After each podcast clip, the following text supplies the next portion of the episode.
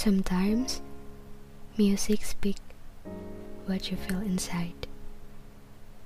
Kadang kita nggak bisa buat ngungkapin apa yang lagi kita rasain dengan kata-kata. Tapi kita bisa pilih mana musik yang bisa ngewakilin apa yang lagi kita rasain.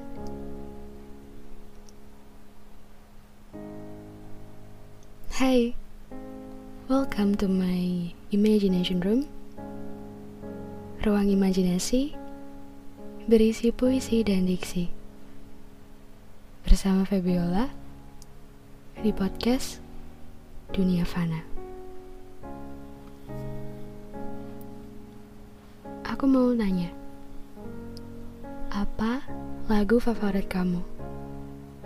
Yang biasa kamu dengerin waktu lagi senggang atau lagi nugas misalnya? Apa selalu suka putar lagu random aja? Saat lagi seneng, denger lagu yang energik. Tapi kalau lagi sedih, denger lagu yang mellow dan akustik. Yang lagi ngewakilin perasaan saat itu. Emang ya, perasaan senang atau perasaan sedih itu suka datang gak terduga kan? Kadang lirik satu lagu bisa relate banget sama kehidupan kita sehari-hari. Misal kalau lagi patah hati, dengerin lagu yang mellow, pakai earphone sambil nangis di kamar ngegalau. Tapi buat aku pribadi, musik juga bisa membuat aku ingat akan satu hal atau satu momen yang berkesan waktu aku pernah dengerin lagu itu dulu. Aku punya cerita.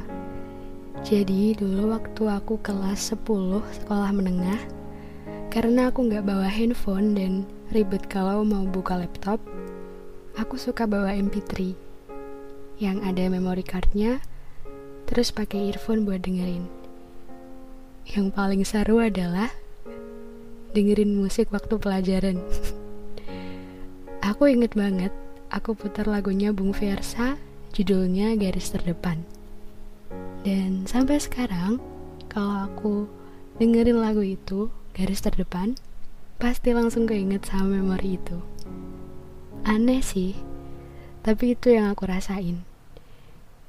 Kadang seru juga, kalau lagi pas perjalanan atau lagi jalan atau olahraga sambil dengerin playlist atau lagu favorit kita. Karena menurutku hal sesimpel itu aja bisa buat bahagia.